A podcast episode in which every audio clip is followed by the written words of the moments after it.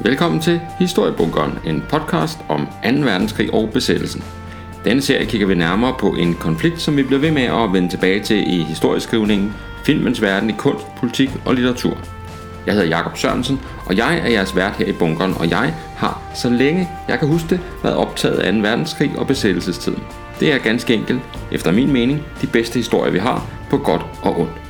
Så med andre ord, hvis man har en interesse for 2. verdenskrig og besættelsen, kommer man ikke til at gå forgæves her i Historiebunkeren. Det er ganske gratis at lytte med. Historiebunkeren bliver drevet af interesse for historien, men har du lyst til at give en lille donation til driften af Historiebunkeren, så modtages bidrag gerne på MobilePay på det nummer, der hedder 74 59 TA. Altså 74 59 TA. Husk at tjekke, at der skal stå historiebunkeren i modtagerfeltet, inden du sender et eventuelt bidrag afsted. Det var øh, formaliteterne. Lad os så komme i gang. I dagens afsnit af Historiebunkeren skal det handle om den lille gruppe danske statsborgere, som var med til D-dagen, med til den allierede invasion i Normandiet den 6. juni 1944. Det er sådan, at øh, det er næsten en regel i, i verdenshistorien, i hvert fald i den moderne verdenshistorie, at øh, man kan næsten altid finde en dansker et eller andet sted øh, øh i en øh, international begivenhed, og så øh, har man jo altså som øh, dansk historiker i hvert fald en oplagt vinkel at skrive sin historie ud fra, altså denne her øh, dansker, den evige danskers øh, tilstedeværelse midt i orkanens øje. Og øh, på den måde øh, har øh, vi jo efterhånden set en række værker, som følger danske statsborgere enten enkeltvis eller i grupper rundt omkring på slagmarkerne eller andre steder i 2. verdenskrig. I mit tilfælde, der blev jeg opmærksom på de her danskere, da jeg skrev min bog om D-dagen tilbage i 2004 udkom den i første udgave, og, øh, og der havde jeg fundet nogle, øh, nogle øh, sådan eksempler på danske statsborgere, som var med, og det er altså dem, der danner udgangspunkt for det her afsnit af Historiebunkeren. Den første øh, dansker, som øh, jeg synes, vi skal eller som jeg har bestemt mig for at skulle komme ind på, det er en øh, øh dansker, som jeg blev opmærksom på gennem en radiomontage, som øh, DR lavede øh, tilbage i 60'erne, som, øh, som øh, handler om nogle af de her folk her, og, øh, og har interviewet dem. Og han er... Øh, anonym i programmet, så jeg har valgt at kalde ham for Jens Jensen. Men øh, han er et eksempel på øh, en dansker, som kommer lidt tilfældigt til øh, England. Han er øh, oprindelig sømand, og, øh, og som sømand har han blandt andet faktisk været med til øh, evakueringen, øh, eller været til at sejle øh, britiske tropper ud af øh, Dunkirk i øh, 1940, da man lader sig evakuere der. Og øh, han melder sig så først til... Øh, til SOE, altså til øh, den her øh, sabotageorganisation, som britterne opbygger, som skal bruges til at øh, hvad skal man sige, puste til ilden i det besatte lande ved at være med til at professionalisere og udbygge modstandsbevægelsens øh, arbejde. Og, øh, og han øh, har øh, øh en karriere i SOE bag sig, men øh, øh, bliver kompromitteret og bliver efterfølgende så øh, kommandosoldat, som det hedder, altså en øh, øh specialstyrke, og hans... Øh, Hans opgave i forhold til, øh, til D-dagen, det var altså at forud for invasionen at øh, gå i land øh, i øh, nattens mulm og mørke sammen med en lille gruppe øh, andre kommandosoldater og så øh, indsamle oplysninger og informationer om øh, det pågældende område, som så kunne indgå i planlægningen af, øh, af invasionen. Han er øh, gennemgår altså en ret voldsom øh, uddannelse i, i England, hvor han, øh, som han selv øh, siger, er en uddannelse, der består i alt lige fra mor, indbrud, ran og vold, slå folk ihjel simpelthen. Det er sådan, øh, det er sådan øh, udgangspunktet for, øh, for sådan en, øh, en uddannelse, de her kommandosoldater. Og øh, styrken er øh, sammensat af forskellige nationaliteter, som øh, først og fremmest er fra de besatte lande, og det vil sige, at øh, at der er en høj grad af motivation hos de her folk. Altså det er jo nogen, som, øh, som virkelig sådan, øh, har noget at kæmpe for. Og, øh, og de består af ungarer, polakker og franskmænd, og altså også øh, i hvert fald en dansker. Øh, så øh, der er altså en, en hvad hedder det, øhm, øh, en, en menneskeskæbne her i den her store krig, som altså øh, jo øh, for mange, med mange tilfældigheder undervejs ender øh, i den her meget, meget spektakulære enhed, som, øh, som skal, øh, skal til at gå i land. Efter eget udsagn, så, øh, så er øh, tabsaldene for de opgaver, han skal udføre, øh, øh, 96 procent, og... Øh, og, øh, og han siger, at øh, undervejs i uddannelsen, så fik man at vide, at, øh, at man kunne forvente en gennemsnitlig øh, levetid på 20 dage efter en skoletid. Og, øh, og det, det lyder noget voldsomt, men øh, øh, tyder også på, at man i hvert fald ikke under uddannelsen har lagt øh, fingrene imellem i forhold til at, øh, at forklare øh, kursisterne her på, på de her hold, at øh, det altså er, øh, er hvad hedder det, øh, farligt arbejde, de skal ud og, øh, og udføre. Øh, om sådan selve motivationen, der fortæller han her, og nu citerer jeg fra hans, øh, fra hans deltagelse i programmet her, øh, den her øh, øh DR-udsendelse, øh, at øh, vi, altså britterne, havde brug for mere information, meget mere information. Vi havde brug for at svække forsyningslinjerne til kysten af Frankrig inden invasionen. Vi blev sat til den opgave, for vi var jo så kompromitteret i de enkelte lande, så vi kunne ikke bruges til andet. Fakta var jo, at så lang tid vi levede, så gjorde vi gavn, og gik vi væk, så var der sådan set ikke noget at gøre ved det. Det var også det bedste, der kunne ske. Hvis en mand er uddannet, uddannet gennem måneder, gennem år, for mit vedkommende gennem fem år, til mor og vold, er det så en mand, man vil slippe ud til et neutralt liv bagefter? Nej, det er det ikke. Altså, det er jo en, en kold og kynisk betragtning, altså at, Øh, at det var, hvad, hvad de her soldater var værd. Og øh, det de så skal øh, gøre, det er altså at foretage de her raids på kysten, altså i øh, nattens mulm og mørke. Og øh, øh, som regel handler det om at øh, forsøge at tilfangetage øh, nogle øh, vagtposter, øh, som man så kan øh, tage med tilbage til, øh, til England og forhøre.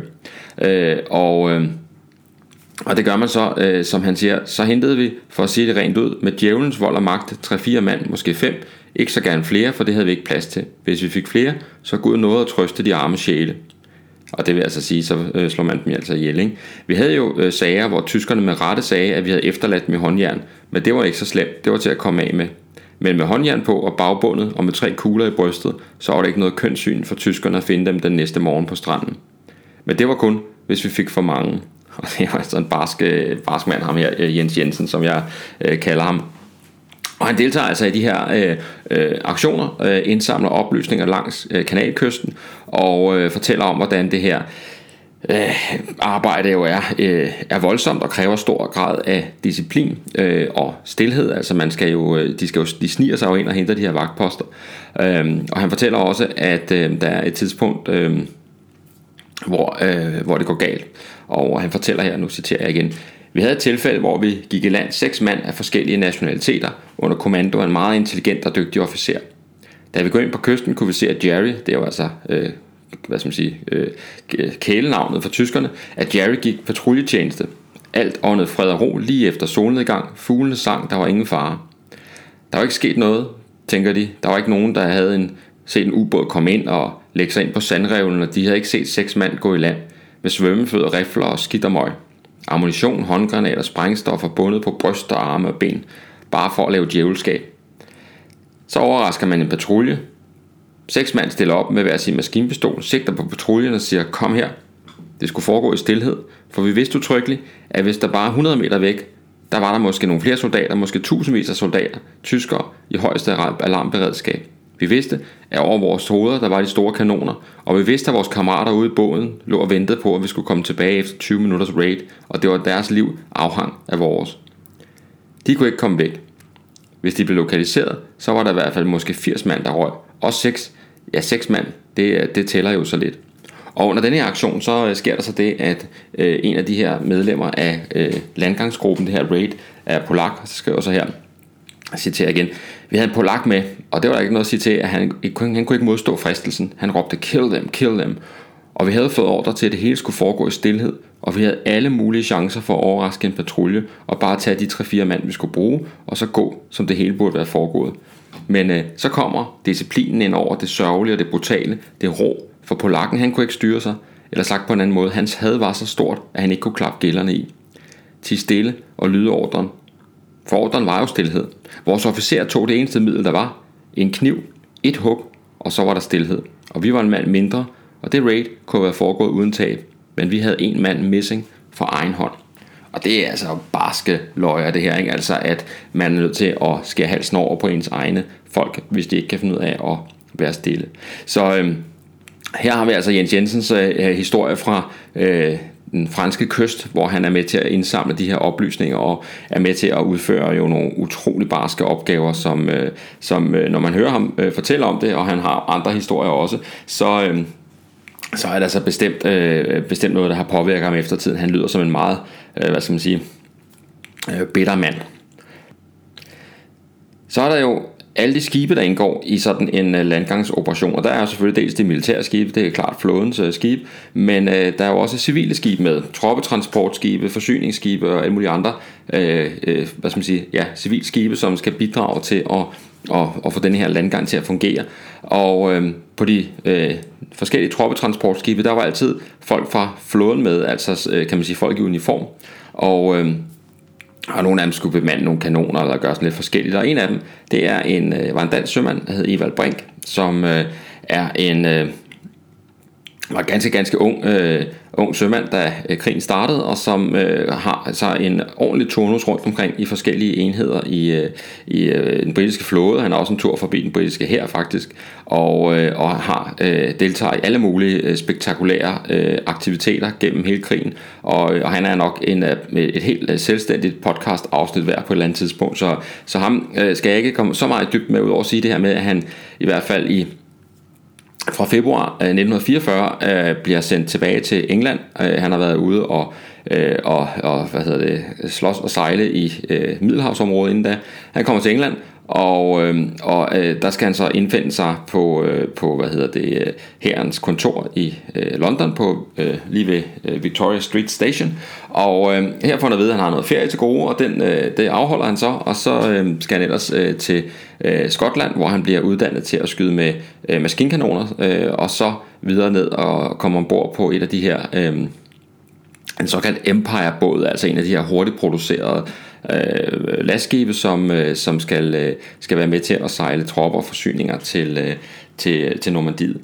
Øh, han siger så her, nu citerer jeg fra hans... Øh, øh fra hans erindringer her.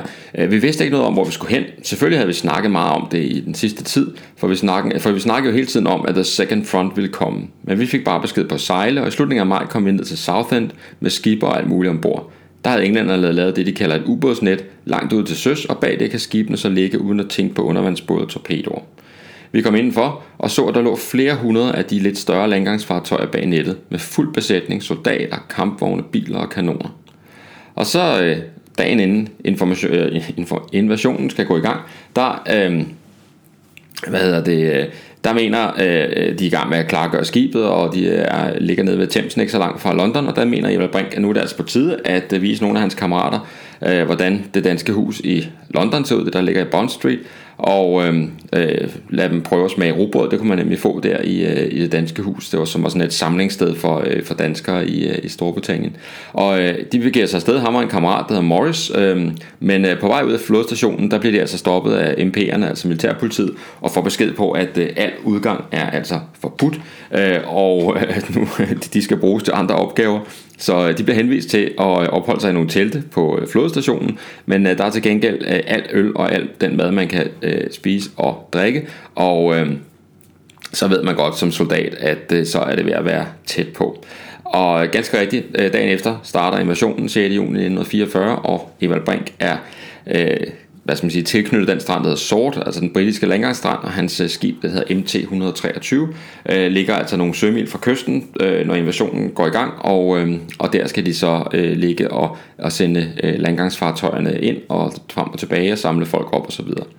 Øh, der er ikke øh, det store dramatik faktisk i forbindelse med selve den del af opgaven, men øh, på tilbageturen til øh, Storbritannien, der blev bliver de faktisk ramt af, går de på en torpedo, som, øh, som, de har, som ikke får helt ramt på skibet. Det når at slæbe sig hjem til engelsk havn, men, men altså, det er der noget af en, en forskrækkelse.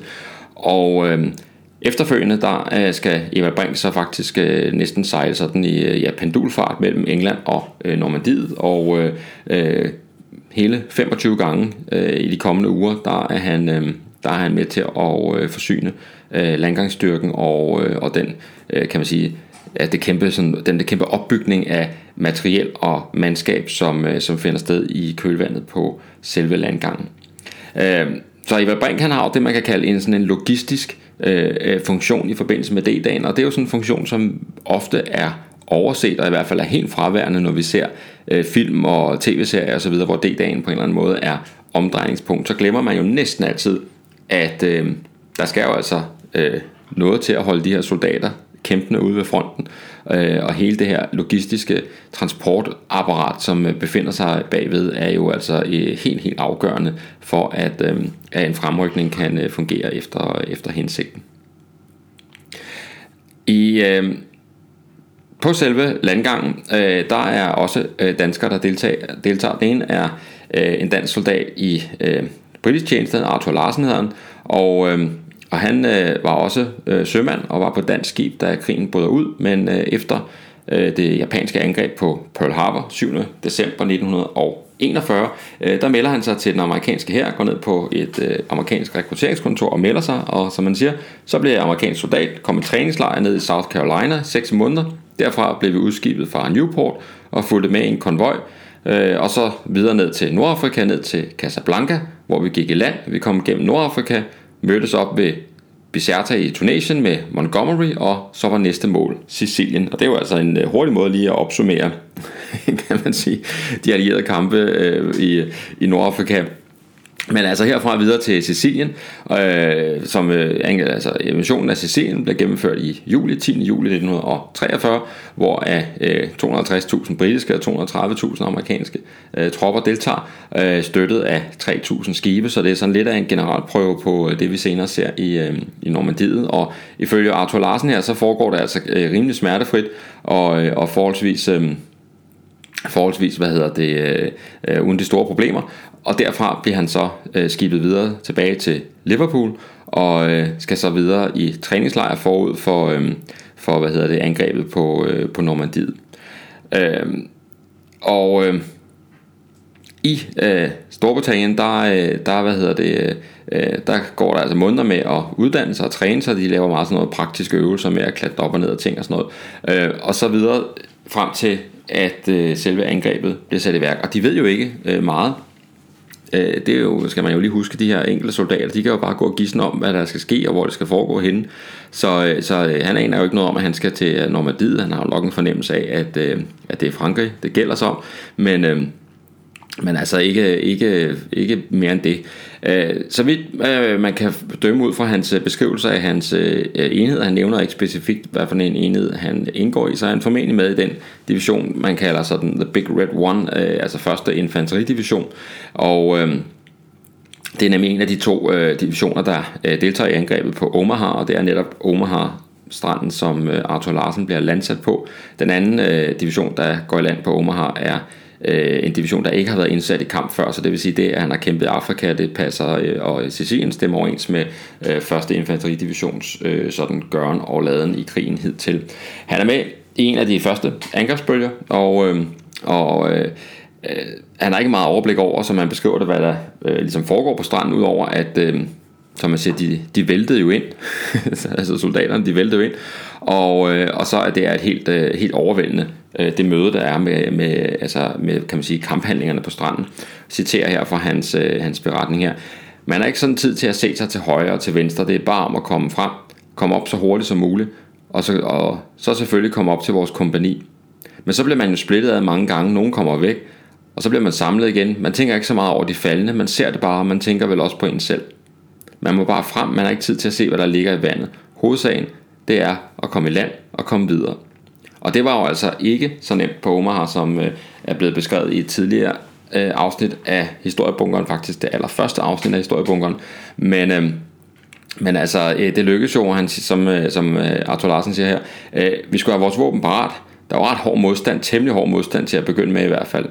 Der gik jo også mange til på stranden, for deres, tyskerne altså, deres våben var jo sat op til krydsild, så det var ikke så let at komme igennem. Men det var der efterhånden efter cirka 12 timers forløb muligt at begynde at komme langsomt frem og op over klitterne. Og så gik det faktisk slag i slag. Vi kom op, vi fik vores kampvogne og vores øh, kanoner i land, og så begyndte det at køre. Og så gik det faktisk sådan jævnt. Og det er altså jo en meget fin øh, underspillet øh, beskrivelse af, hvordan det gik altså jævnt. Fordi Omaha-stranden var jo der, hvor øh, de allierede havde de største tab, og var længst tid om at komme ordentligt i land. Øh, han fortsætter her. Øh, vi var spredt for alle vinde, altså hans enhed. Vi var spredt for alle vinde. Vi var faktisk kun syv, da invasionen var overstået, der var i live. Og så bliver man jo suppleret op med andre nogle bliver væk, andre bliver skudt, og nogle bliver samlet op af andre kompanier, og så byttede vi, så man var suppleret op hele vejen. Vi var 100, 275 mand i vores kompani, da vi gik i land.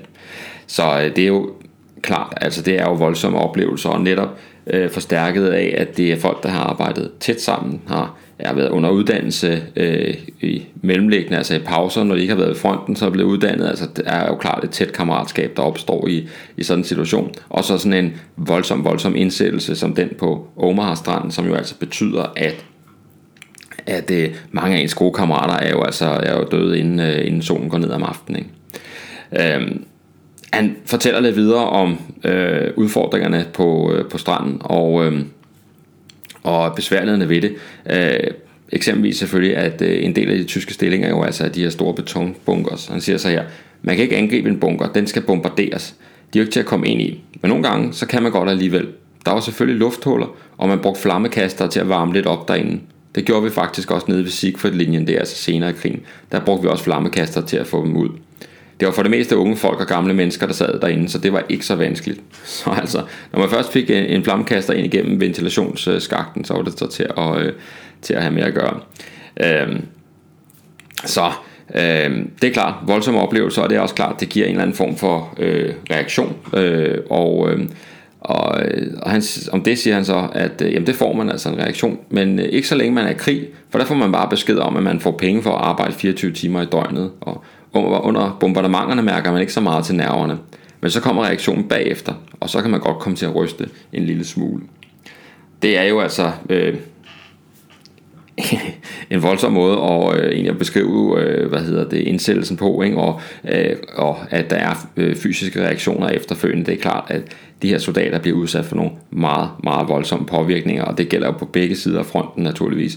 Og det er jo altså en tid, hvor man ikke har øh, den helt store indsigt i, kan man sige, psykologisk førstehjælp og alle de her ting. Altså man får bare at vide, at øh, du får løn for at lave det her, så det er om at komme i gang igen.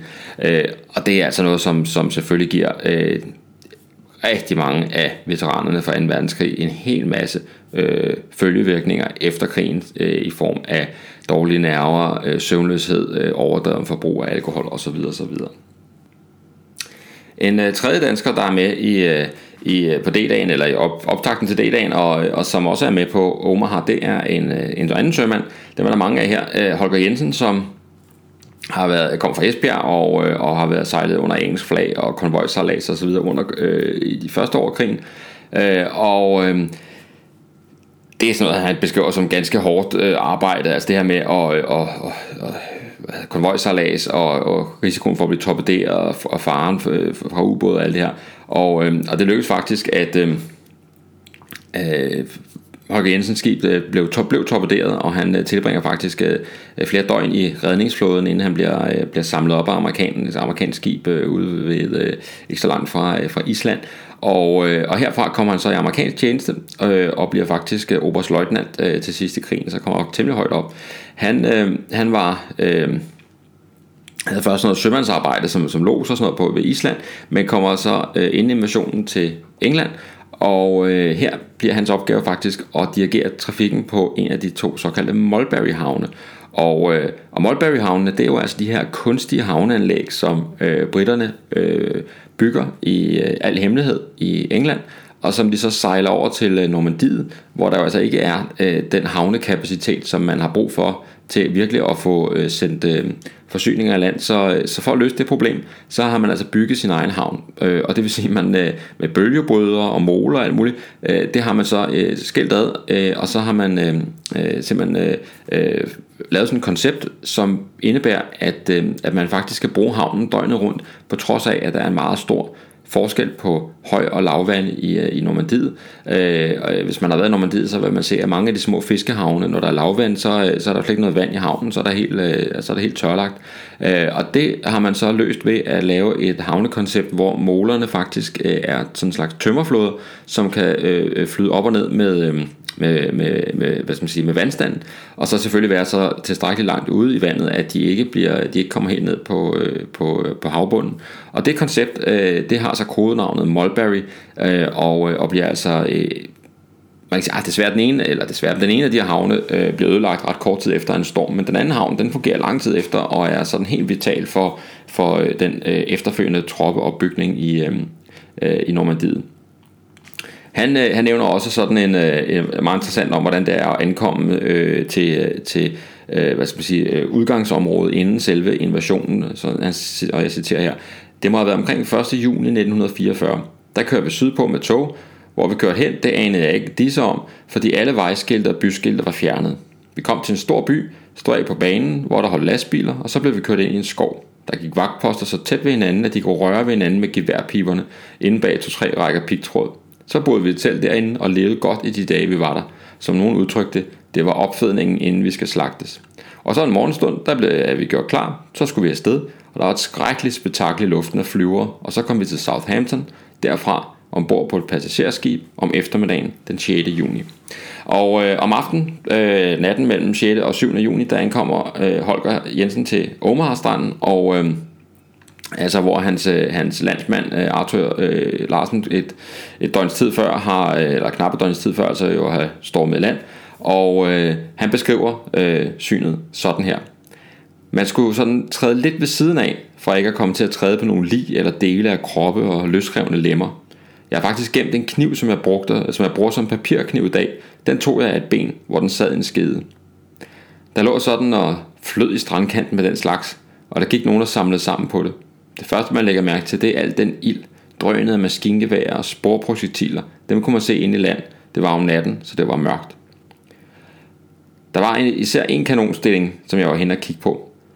Den må have været skyld i en masse menneskers død, for den havde ikke været sådan at få ramt på. Flyver og slagskibene ikke kunne gøre noget ved den, så tyskerne havde siddet derinde og skudt, indtil der kom en amerikansk soldat derhen og får en håndgranat ind af skydeskåret, hvor løbet af den her 88 mm kanon stikker ud. Så fik jeg nogle håndgranater derind, og så hang de jo i laser derinde, som han beskriver. Så øh, igen, altså øh, et voldsomt møde med, øh, med øh, krigen, og også her nogle overvejelser om, hvad det gør ved en. Han øh, siger så her videre her. Når man står midt i det, så ved jeg ikke, om det hele står stille. Man tænker ikke på det. Man tænker bare, det er dit job, det skal du gøre, så længe du kan. Og hvis du svigter i det spil, så kan du jo være skyld i en masse kammerater går til, hvis man forsøger at redde sin egen pels. Sådan en gruppe soldater, det er et team, hver mand har en funktion, og han må ikke svigte. Der er kun en måde at svigte på, og det er, hvis man bliver skudt. Så det er sådan, øh, øh, hvad skal man sige, mentaliteten her, og, øh, og derefter så øh, indgår Holger Jensen altså i etableringen af den her Mulberry Havn, og, øh, og, øh, og arbejder med altså også den her logistiske, øh, det logistiske element i sådan en, øh, i sådan en, hvad hedder det, øh, sådan en invasion her. Øh, en anden øh, og dagens sidste øh, dansker, som, øh, som jeg vil fremhæve her i forbindelse med D-dagen, det er øh, en journalist, Emil Bløtgen Petersen, øh, dansk journalist, som, øh, som hvad hedder det, er redaktør af det blad, der hedder Fri Danmark, og det skal man, der skal man lige huske, at der er to blade, der hedder Fri Danmark i den her periode.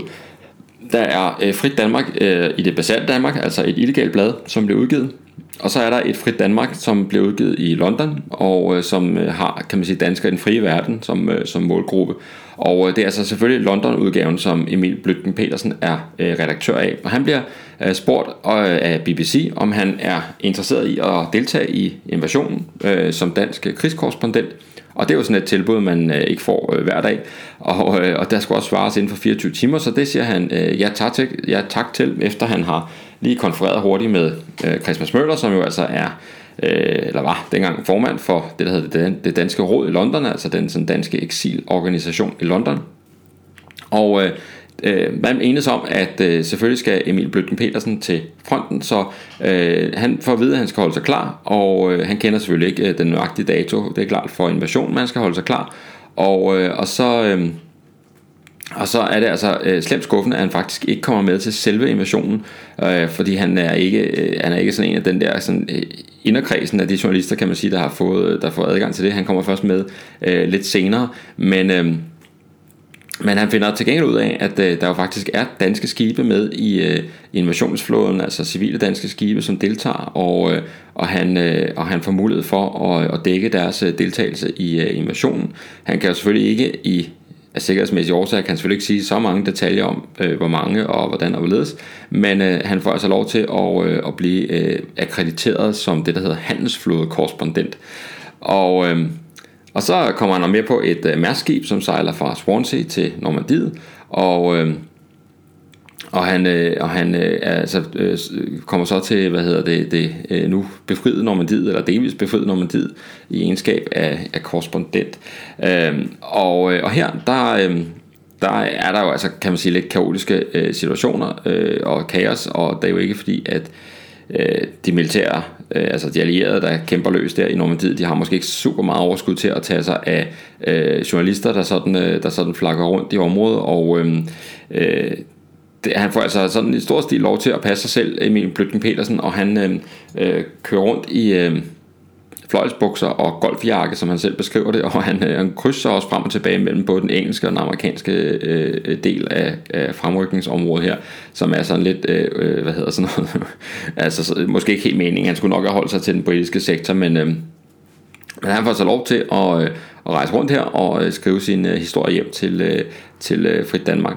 Så, øh, så der er altså, kan man sige, øh, danske øjne på, øh, på, øh, på stranden, og, øh, og han beskriver øh, her er vi omkring en, øh, en måned efter D-dagen, der beskriver han, hvordan, øh, hvordan, øh, hvordan der stadig ser ud på det her tidspunkt, når man står på, på en af strandene i, i Normandiet og kan se det syn, altså det kæmpe syn, der møder en. Han siger, og jeg citerer her, helt op på Clintons top ser jeg et af krigshistoriens største panoramaer. Så langt øjet rækker kan jeg se skibe. Skibe, der ligger ankret op, side om side, så det bliver til en skov af master. Og over dem duer de sølvglinsende ballonger, der er fulgt med hele vejen fra konvojrejsen som trofaste følgesvende. Det er altså for at forhindre luftangreb, der her de her ballonger, øh, spærreballoner hængende over skibene. Skibe kommer og går, og horisonten til venstre og til højre ser en række skibssilhuetter og skorstensrøgen efter sig. Masser af skibe. Ikke? Og det er altså jo øh, noget af det, som øh, går igen i mange af de her beretninger, man kan læse om, øh, om invasionen af Normandiet. Det er jo, at folk er jo overvældet af, af, altså af det antal, altså det omfang, omfang som, øh, som invasionen har. Og øh, det, altså det er jo helt uhørt at se så, mange materi- så meget materiel, så mange skibe og hele det logistiske apparat, alle soldaterne, alle øh, brændstof. Altså der er jo tusindvis af brændstofdunke, der står i vejkanten klar til at blive, øh, blive hældt på, på bilerne og kampvognene kommer land og så videre, og så videre. Så det er, det er et overvældende syn næsten uanset, uanset hvem man er. Og Øh, Øh, han taler her om det her med, at, øh, som man siger, nyt citat her, lastvogne fyldt med ammunition, reservedele, benzin, brobygningsmaterialer, forsyninger er på vej mod fronten, og kommer så tomme på vej tilbage til fordelingscentrene i nærheden af kysten, hvor der losses for skibene. Indimellem kørte der afdelinger af kampvogne og let artilleri. På begge sider af landevejen holdt kampvogne og artilleri. Der lå i lejr efter lejr, og hele marker fyldt med krigsmateriel. Altså det er jo overvældende. Og, øh, og han øh, kommer så øh, nogle tid efter øh, til allersidst her, øh, nogle tid efter, øh, hen til byen Kang, som er jo øh, var blevet kæmpet om helt frem til den 13. juli 1944, altså i over en måned har man kæmpet om byen Kang, som altså kun ligger øh, de her sådan cirka 14 km inde i landet, øh, og som ligger i den britiske sektor, og som Montgomery, øh, den britiske øh, øverstkommanderende, han jo havde øh, øh, lovet, at det skulle vi nok indtage øh, på, allerede på D-dag, men der gik altså over en måned før, at man havde kontrol over Kang, og, øh, og hvad hedder det... Øh, Øh, og det beskriver han som, øh, som et sådan helt, øh, altså en død by, altså en, en, en uvirkelig, øh, et helt uvirkeligt, øh, uvirkeligt, uvirkeligt, hvad hedder sådan, uvirkeligt sceneri, øh, og, øh, og se hvordan sådan en, øh, hvordan kontrasterne er, altså for han har jo været, selv været i Bayeux, en anden øh, af de store byer i Normandiet, men øh, en Bayeux blev fuldstændig skånet for kamphandlinger, og så se kontrasten mellem to byer, hvor der er blevet kæmpet om den ene og ikke den anden, det er, øh, det er ganske overvældende, og man kan se det den dag i dag, når man rejser i Normandiet, at de byer, som der blev kæmpet om, St. Lo eller øh, Kang osv., der er, der er der altså en klar overvægt af moderne bygninger, altså bygninger, der er opført i, øh, i efterkrigstiden, hvorimod øh, øh, bykernerne i de gamle byer, der ikke blev kæmpet om, de har deres, øh, deres øh, gamle præg stadigvæk. Så øh, det har øh, absolut stadigvæk en konsekvens i øh, landskabet, at øh, der blev ført øh, krig tilbage i 1900 44. Se, øh, det med øh, danskere, der deltager i øh, invasionen, øh, er altså dels noget, jeg omtaler i øh, min bog, øh, og øh, som heldigvis stadigvæk er til salg og hedder D-dag og findes i alle assorterede boghandler. Men ellers øh, kan man læse mere om det i øh, en bog, der hedder Den Røde Brænding, som er skrevet af en historiker, der hedder Jakob Tøtrup Kærsgaard, som er øh, ekspert i øh, øh, Normandiet og i øh, sådan, hvad skal man sige, øh, dansk deltagelse i både til søs og til lands i øh, denne her øh, operation. Og, øh, og han har lavet en bog, der udkom her øh, sidste år på, øh, eller forrige år på øh, forlaget Turbine, som beskriver øh, med fokus på D-dagen, men altså også generelt øh, handler om danskere i, øh, i allieret tjeneste og deres oplevelser i den sammenhæng. Så den øh, vil jeg varmt anbefale, hvis man interesserer sig for emnet her. Det var dagens afsnit af Historiebunkeren. Tak fordi, at du lyttede med. Og øh, du er jo altid meget velkommen til at anbefale programmet til folk, du kender, hvor du forestiller dig, at de måske kunne have en interesse i at høre nogle af øh, de samme røverhistorier, som du selv øh, lytter til. Øh, så øh, spred endelig øh, det glade budskab om historiebunkeren til venner og bekendte, eller helt tilfældige mennesker, man møder på gaden, det må man også gerne. Øh, og øh, ellers kan man jo melde sig ind i Historiebunkerens side på Facebook. Øh, det er bare at søge på Historiebunkeren, så finder du frem til, øh, til både siden og gruppen. Øh, og øh, det er jo fuldstændig gratis, som sagt, at øh, lytte med, og det er øh, Historiebunkeren er drevet af interesse for historien og som en, et hobbyprojekt, men har man alligevel øh, på trods af alt det øh, lyst til at øh, give en lille donation til driften, så er man meget velkommen til det. Det kan man gøre på MobilePay på det nummer, der hedder 74 59 TA. 74 59 TA. Husk at tjekke, der står historiebunkeren i modtagerfeltet, inden du sender et eventuelt bidrag afsted. På forhånd tak for det, og tusind tak til dem, der har bidraget gennem tiden. Det er en øh, stor, stor glæde at, øh, at mærke den øh, erkendelighed fra øh, de af jer, som, øh, som har overskud til det. Tak for det. Og de af jer, som ikke lige har fået gjort det, det skal I ikke være ked af. I skal øh, endelig øh, fortsætte med øh, det, I, øh, det, I gør. Vi er bare glad for, at der er nogen, der gider at lytte med til historierne her i Historiebunkeren.